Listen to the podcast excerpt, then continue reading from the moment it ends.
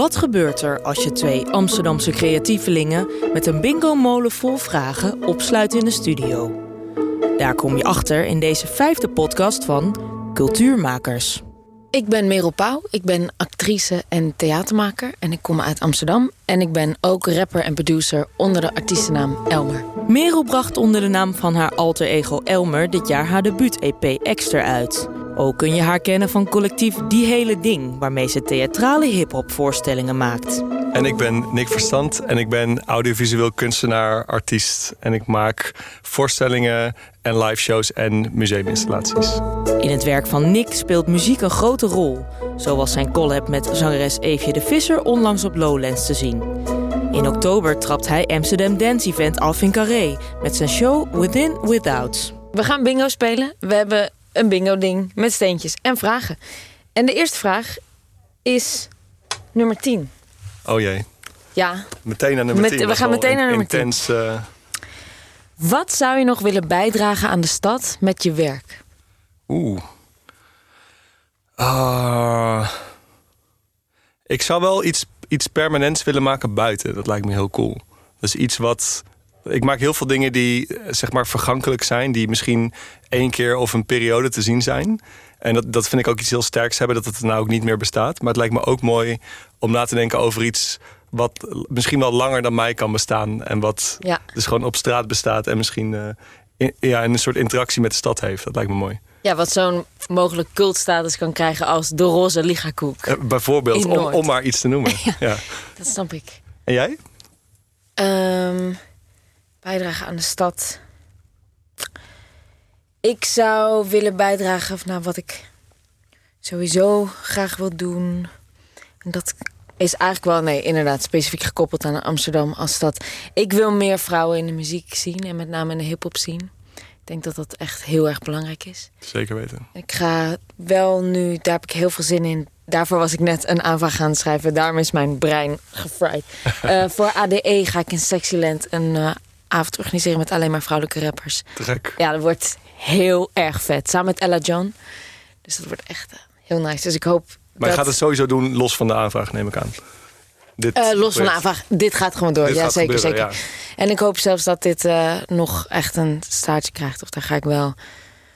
Wil ik wel aan werken. Dat dit niet alleen in Sexyland op ADE is, maar dat het nog meer gaat spelen. En dat ik wil gewoon dat jonge vrouwen zien. En jonge mensen zien. Oh my god, dit kan ik gewoon zelf leren op mijn slaapkamer. Dat kan. Ik denk dat het heel sterk is om voorbeelden te geven die zeg maar eh, eh, eh, praktisch zijn in die zin. Van dat ze echt zijn in plaats van een inspirerend verhaal, maar meer van dit is een echt optreden. Ik denk dat dat een hele sterke manier is. Ja, precies. Ja. Er is een heel vet platform dat heet Rosetta Beats. En die is ook speciaal opgericht om meer vrouwelijke producers op te leiden. Die gaan ook dan een stand daar hebben. Dus dat het hopelijk zo snel mogelijk zo praktisch kan worden. Te gek. Dat eh, Welke dag op ADE sta je? 22 oktober, zaterdag. Mooi, oké. Ik sta op eh, 19 oktober op woensdag in Carré. Dus dat is, dan, dat is Met mooi. Within Without. Ja, dus dat is eh, de, de nieuwe Within Without op basis van de show die we vorig jaar in Carré hebben gemaakt. Ja. Maar nu ook met, eh, met dansers van Nationaal Ballet, Cedric Verwoerd, de choreograaf, met wie ik al één keer gewerkt heb laatst. En dat Ja. gaan we nu ook in Carré doen, dat is wel leuk. En heeft de show uiteindelijk eh, voor groot publiek kunnen spelen? Want het is in coronatijd gemaakt, toch? Ja, we hebben eerst in juli vorig jaar, het lijkt langer geleden, maar het was wel vorig jaar volgens mij. Eh, volgens mij hebben we tien keer 400 mensen gedaan. Oh ja. En toen in september nog drie keer volle bak. Dus we Oh ja. hebben uiteindelijk iets van 6000 bezoekers gehad, verspreid over al die shows. Ja. Dus dat is al super mooi. En nu mogen we nieuwe maken, dus dat is fijn. Maar ik ben blij dat we niet op dezelfde dag staan. Ja, Dat ik ook. is, eh, ja, dan kan ik, kan ik dat ook komen checken. En dan kan ik dat ook komen checken. Want Ja. ik heb al filmpjes gekeken en ik dat is meteen zo. Oké, dat is bij Oh, deze is het geregeld. Yes, yes I love deze podcast. Oké, volgende vraag. Eh, eh, ja. Nummer 11. Wat zou een absoluut hoogtepunt in jouw carrière zijn? Ja, ik moet zeggen dat ik heb wel echt een paar mooie dingen meegemaakt waar, waar ik heel tevreden over ben. En dat voelde toen als een hoogtepunt. En ik, ik ben er wel wat rustiger over geworden of zo. Van, ik heb het idee dat ik iets minder ambitieus ben dan tien jaar geleden. Ehm, Hoe, hoe ambitieus was je toen? nou, toen wilde ik wel echt de wereld veroveren, zeg maar. Dat was wel mijn, mijn dagelijkse missie. En nu probeer ik vooral een leuk leven te hebben en mooie dingen te maken als een soort van parallele of tweede doel. Maar Ja. dat is wel een beetje veranderd, denk ik. Ook omdat je het anders gewoon niet volhoudt. Want ik heb ook wel momenten gehad met buitenlandse exposities... en dan de een na de ander na de ander... dat het zo intens was dat je op een gegeven moment echt niet meer begrijpt... waar je bent en dan met jetlag zit. Dat is, eh, dus ik probeer het iets meer grounded te houden tegenwoordig. Ik ben veel de Veluwe ook, met, mijn vriendinnen, met mijn hond... En, eh, verbouwen wat groentes en weet je wel, van die, van die dingen die je echt op de aarde houden. Naast natuurlijk die hele ideeënwereld waar we soms in zitten. Toch Ja. een beetje luchtkastelen ook wel. Dus het is wel heel belangrijk om dat een beetje te ankeren. Hoe lang woon je daar nu? Mm, nou, ik heb daar zo'n eh, zo'n houten huisje, zeg maar. Dus ik woon in Amsterdam, maar je we hebben dan een huisje op de Veluwe...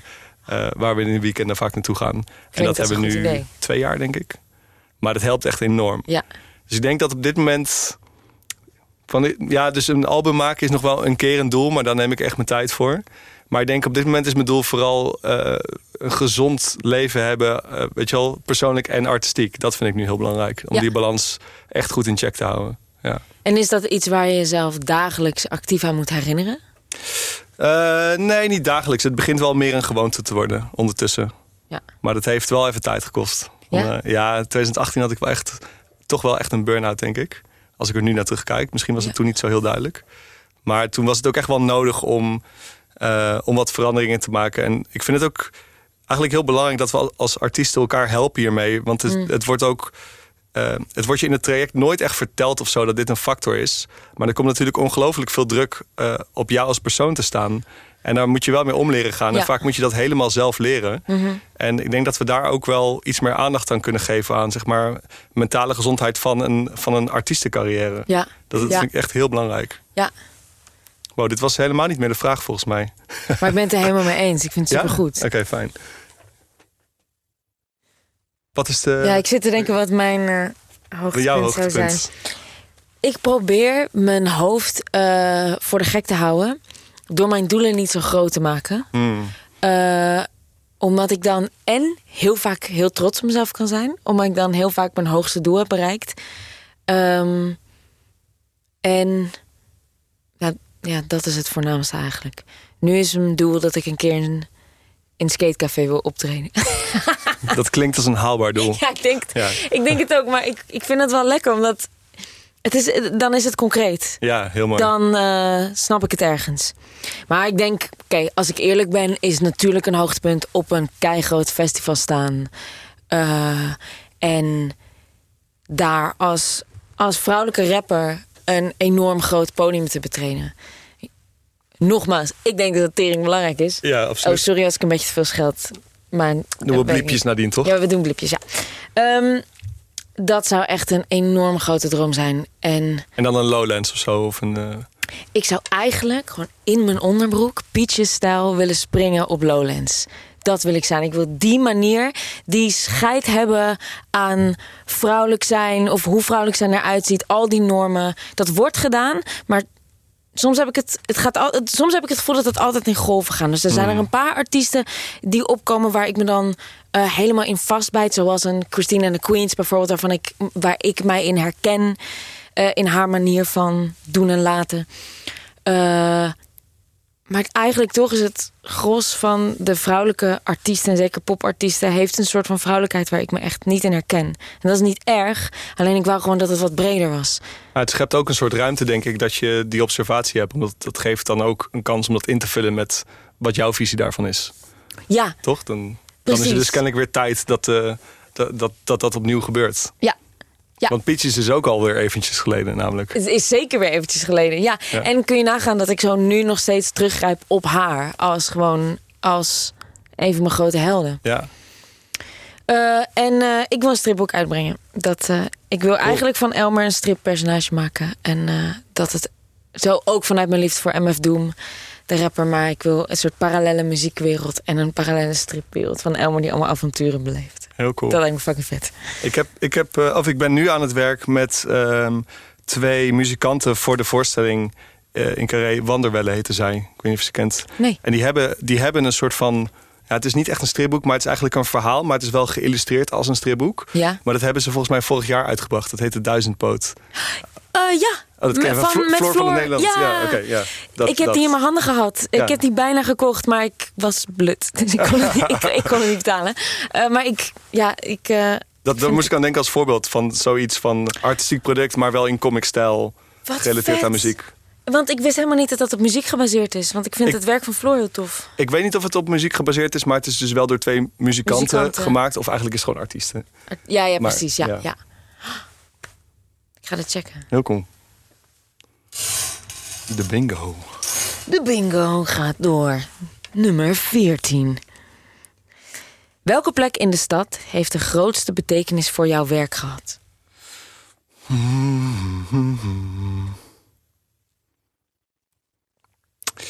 Ja, grootste betekenis. Ja, het is een beetje saai, maar dat moet op dit moment toch wel carré zijn, denk ik. Ja. Ja, maar dat is ook omdat ik er gewoon middenin zit. En Ja. dat, het was, dat was gewoon wel een stap, zeg maar. En er zijn ook andere plekken die, die, eh, die wel, zeg maar, mijn brein hebben opengezet voor... oh, je kan ook gewoon zelf dingen maken en je kan daar deel van zijn, et cetera. Dus ik denk dat Sexyland zo'n plek is. Ja. En ik denk dat W139 zo'n plek is. En ehm, ik hoop ook dat dat soort, eh, dat dat soort plekken waar de rafelranden iets meer kunnen bestaan... dat die ook genoeg ruimte krijgen in de toekomst. Daar maak ik me wel eens zorgen over. Ja. Weet je wel, dat, dat, eh, dat we niet helemaal uitgentrificeren en, en niks meer overhouden behalve dure huizen en, eh, en plekken waar je lekkere havermelkkoffie kan kopen. En Van Moofs. Ja, en van Moos. iedereen ja. die dit luistert met een Van Moof, doe die fiets weg en doneer het geld aan Stichting Vluchteling. Dankjewel. Daar halen we wel veel geld op trouwens, dat is wel heel goed. Ja, toch? Ja, ja, dat, ja dit, dus er moet een beetje balans zijn, denk ik. Van, ehm, ik mis, dus soms denk ik, is het mijn eigen perceptie dat ik me dat afvraag van, ben ik zo'n oude lul aan het worden dat ik niet meer, weet je, niet meer zie wat nu de toffe dingen zijn? Of is het echt nodig dat we een beleid hebben, ook vanuit de gemeente, dat het echt ondersteunt? En Ja. ik ken toevallig een paar mensen die al volgens mij al tien jaar proberen om een best wel underground gay club op te richten. Volgens mij is dat het. Ik weet niet of ik het goed zeg. Eh, iets wat, wat echt wel, weet je wel, de ruimte moet krijgen. Mhm. Maar die hebben al meerdere gemeentebesturen versleten. En, en dan moet je dus weer opnieuw beginnen. En Ja. ik, ja, als ik dat proces hoor, denk ik wel van... hoe kan het nou dat het zo moeilijk is om... Ja. Als je weet je wel, het initiatief hebt en ook de track record om dingen te doen. Hoe kan het nou zo, zo lastig gemaakt worden? En dat, daar verbaas ik me dan wel over. Ja. Van, zit, hebben we wel het huidige, het, het juiste klimaat op dit moment gemaakt hiervoor? Ja. Dus, eh, dus niet, ja. Ja, ik snap het helemaal. Ik weet ook. Ja, ik zie dat ook wel, die eh, gentrificatie en die ver, ja, verjupping eigenlijk van, Van, de van stad. Maar- De van Moving van, de Van stad. Amsterdam, ja. maar ik vraag me dan ook wel af of het in mijn eigen hoofd zit. Ja, Nou ja, als heel veel mensen het vinden, dan is het dus kennelijk niet alleen in ons hoofd. dan is het niet alleen in ons hoofd. Dat is helemaal waar. En ik zit ook te denken welke plekken überhaupt nog zo die, weet je, die ja, ruwe vrijheid hebben. Zoals nu bijvoorbeeld het slachthuis in Den, eh, ik wil Den Haag zeggen, het slachthuis in Haarlem. Oh, daar ben ik nog nooit geweest, denk Hele ik. vette plek. Oké, Hele cool. vette nieuwe plek. Eh, heel veel mensen die Pacific hebben opgericht zijn Oh, echt? daarheen vertrokken. Ja. En Markt Centraal. Vind ik tof. Maar dat is ook meer zo de punksferen. Ja, maar, dat is wel tof. precies dat. Eigenlijk hebben we misschien iets meer punk in de stad nodig. Ja, En ook de mogelijkheden dat dat dus kan bestaan of zo. Dat lijkt me mooi. ja, ja, Ja. Maar dat zal ook wel vanzelf gebeuren natuurlijk, van, Ja. van onderaf. ja, Maar het is eh, van waarom niet ook van bovenaf? ja, precies. En qua favoriete plek, heb je daar nog een, eh, een idee bij? Welke plek in de stad heeft een grote betekenis gehad? Ik denk dat ehm, veel van mijn muziek eh, ontstaat bij mijn onzekerheid in het uitgaansleven. Dus ik denk daarbij dat de trut een erg belangrijke plek is voor mij. Eh, daar kom ik erg graag. En ik denk dat ja, Skatecafé, Garage Noord, vroeger... Ja, nee, ja, gewoon Pacific. De oude Pacific. De oude Pacific. Oh, Daar ja. ben ik mijn hele puberteit. En nu denk je, nee, dat is niet je hele puberteit. Het is serieus mijn hele puberteit. Ieder weekend ging ik vrijdagavond met mijn bandje repeteren in de Music Queue. En dan ging ik daarna dansen in Pacific. Bandjes kijken. Gek. Dat was zo leuk. Soms, ja, ik denk dat dat ook wel. Ik bepaal soms nog steeds dat de drankleeftijd is eh, verhoogd naar 18. Maar de jeugd die ik heb gehad met zo jong, vanaf mijn zestiende uit kunnen gaan, zoveel hebben kunnen zien. Ik En we kunnen drinken of zien. kunnen Allebei. zuipen. Nee. Eh, En uh, Ruigoort. Oh ja. Moet ook. Ja, precies. Dus eigenlijk zijn we het eens over. Rafelranden zijn extreem belangrijk. Daar komt het een beetje op neer. Ja. Als, ook als favoriete plekken. Ja, precies. Ja. Kom. Vraag 7. Wat weten mensen niet over jou en wat is leuk om te weten? uh, ik denk dat door hoe visueel communicatie nu is, ook met social media en websites en alles met internet, dat mensen, dus heel veel mensen weten niet dat ik dus ook muziek maak. Ja. En oh, ik heb dat gestudeerd eerst en dat heb ik, ik heb ook heel lang gedj'd en uh, dingen georganiseerd. Ook met Pietjes ooit trouwens. Die heeft, die heeft één of twee keer opgetreden voor ons. Volgens mij twee keer. Ja, heel leuk.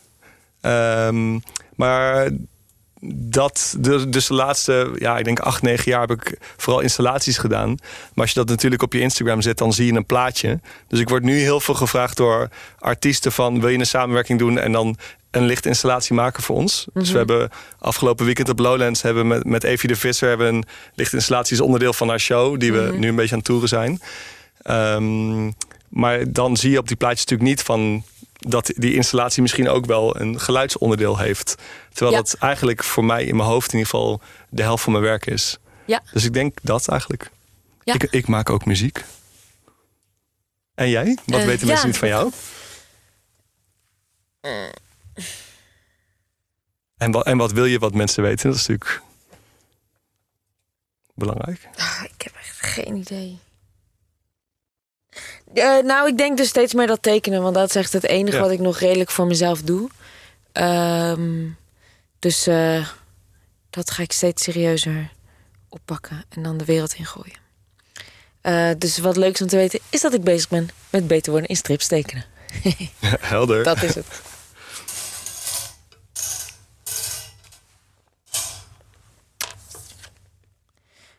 Wat is de leukste, gekste, meest bijzondere reactie die je ooit hebt gekregen op jouw werk?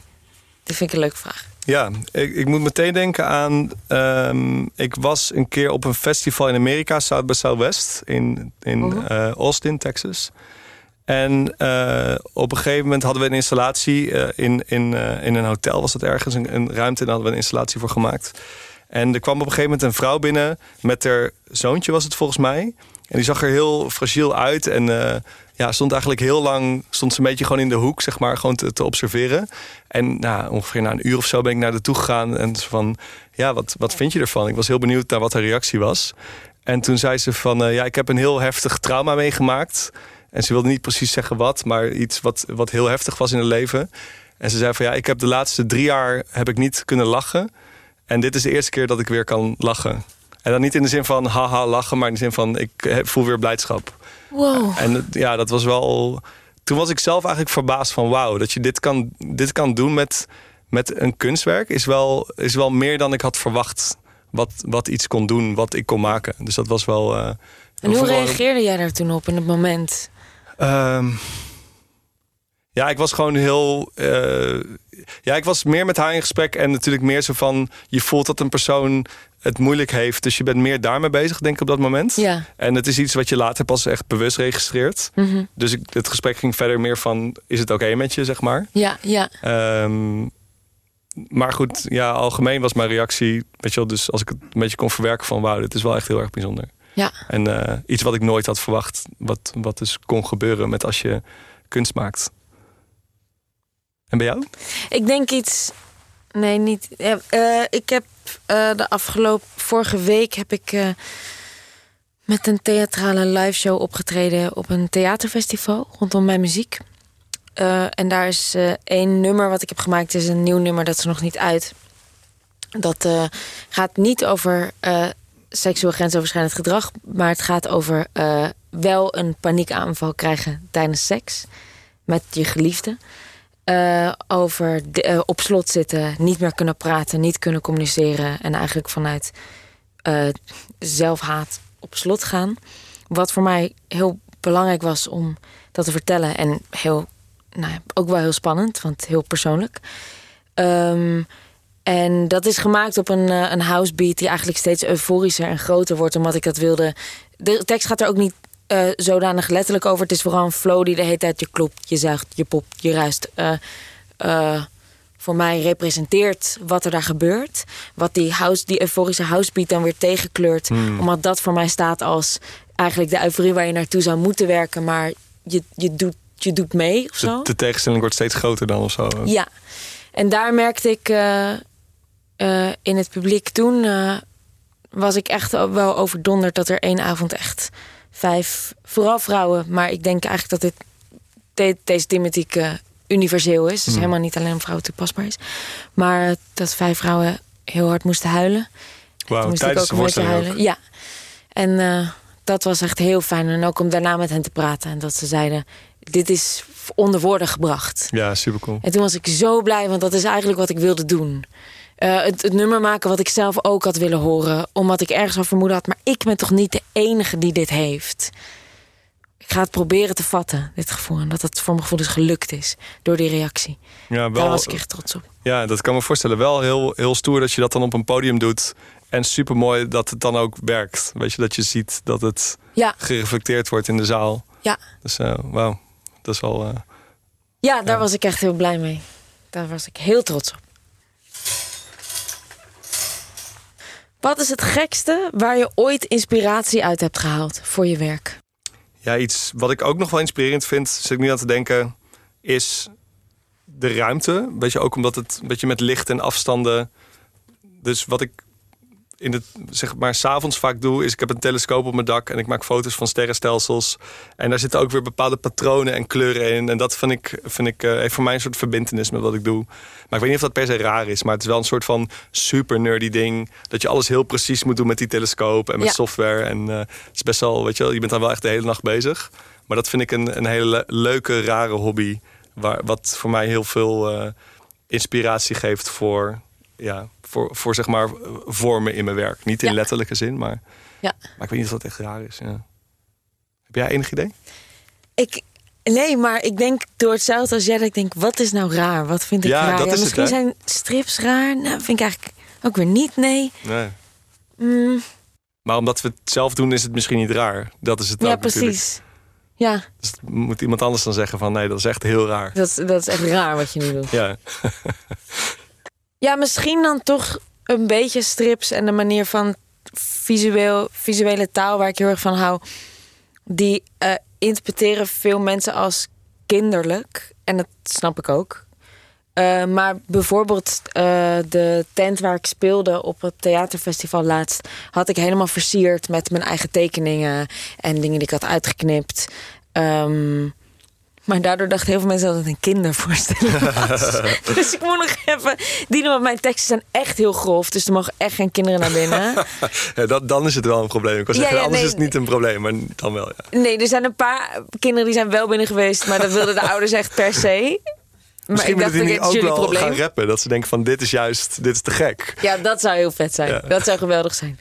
Eh, maar ik denk dus, eh, ja, er inspiratie uithalen dat ik er wel toch, ondanks dat het dit oplevert dat mensen denken dat het kindertheater is, ik vind het een hele leuke, prikkelende combinatie dat je die ehm, heel kleurrijke, stripachtige, bijna kinderlijke beeldtaal combineert met dat extreem grove taalgebruik vanuit ik, die eigenlijk ook met zo'n big smile op het podium sta vaak, dat daar iets gebeurt wat ik zelf heel interessant vind. Hoe gaat de toeschouwer daarmee om? Want ik ben. Ehm, dat grove taalgebruik wordt daardoor hoe ik het doe niet extreem provocerend. Omdat ik niet met een soort agressief vingertje eh, dat loop te verkondigen. Maar het is juist heel erg vrolijk. En dan die agressieve teksten. Dat vind ik zelf een hele interessante combinatie. Zie je dan dat er een soort eh, ook wel eens verwarring is in het publiek? Of is het, of is het juist van dan, is het, dan wordt het eerder geaccepteerd?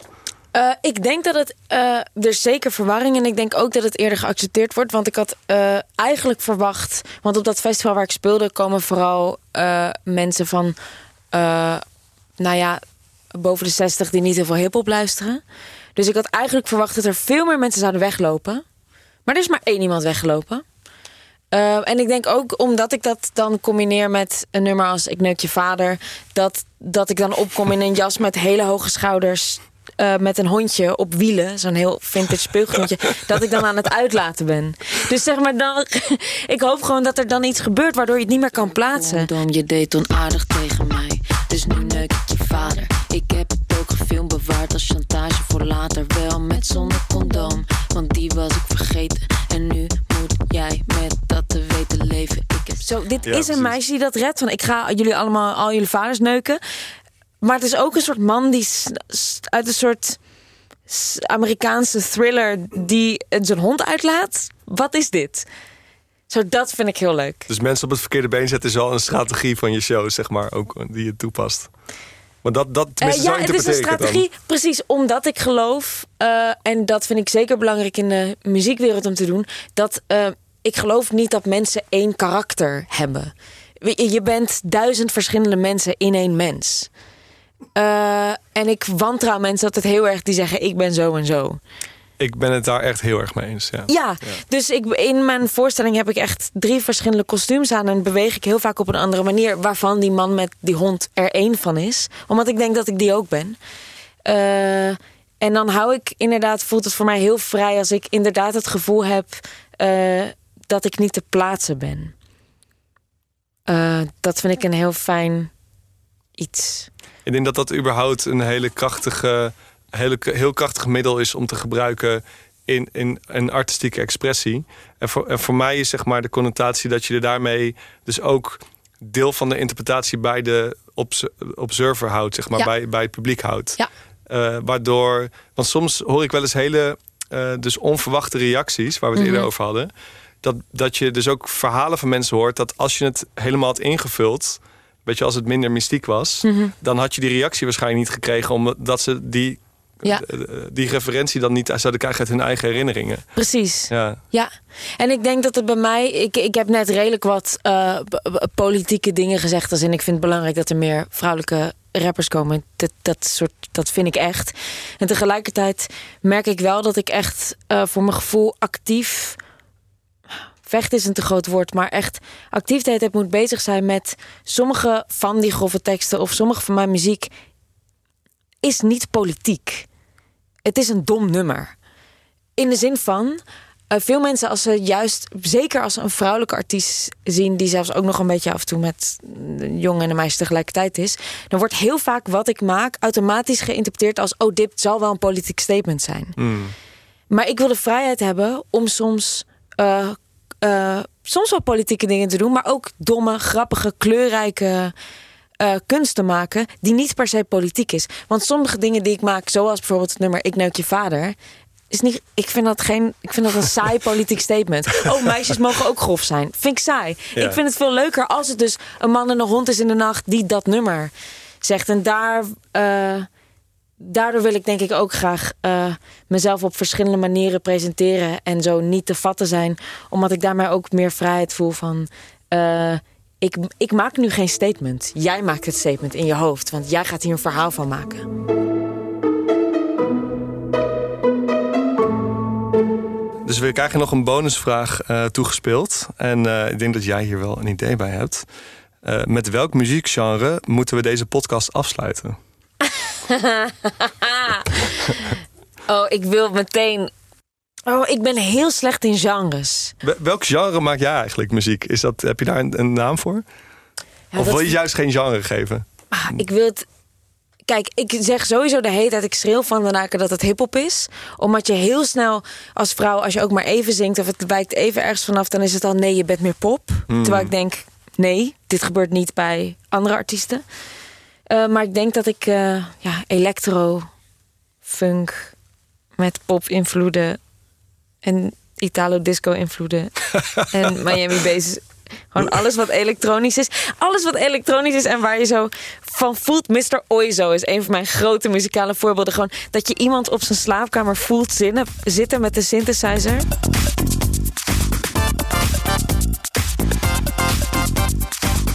Deze podcast wordt mede mogelijk gemaakt door I Amsterdam. Bezoek iamsterdam.nl voor meer inspiratie en bekijk de uitagenda van Amsterdam.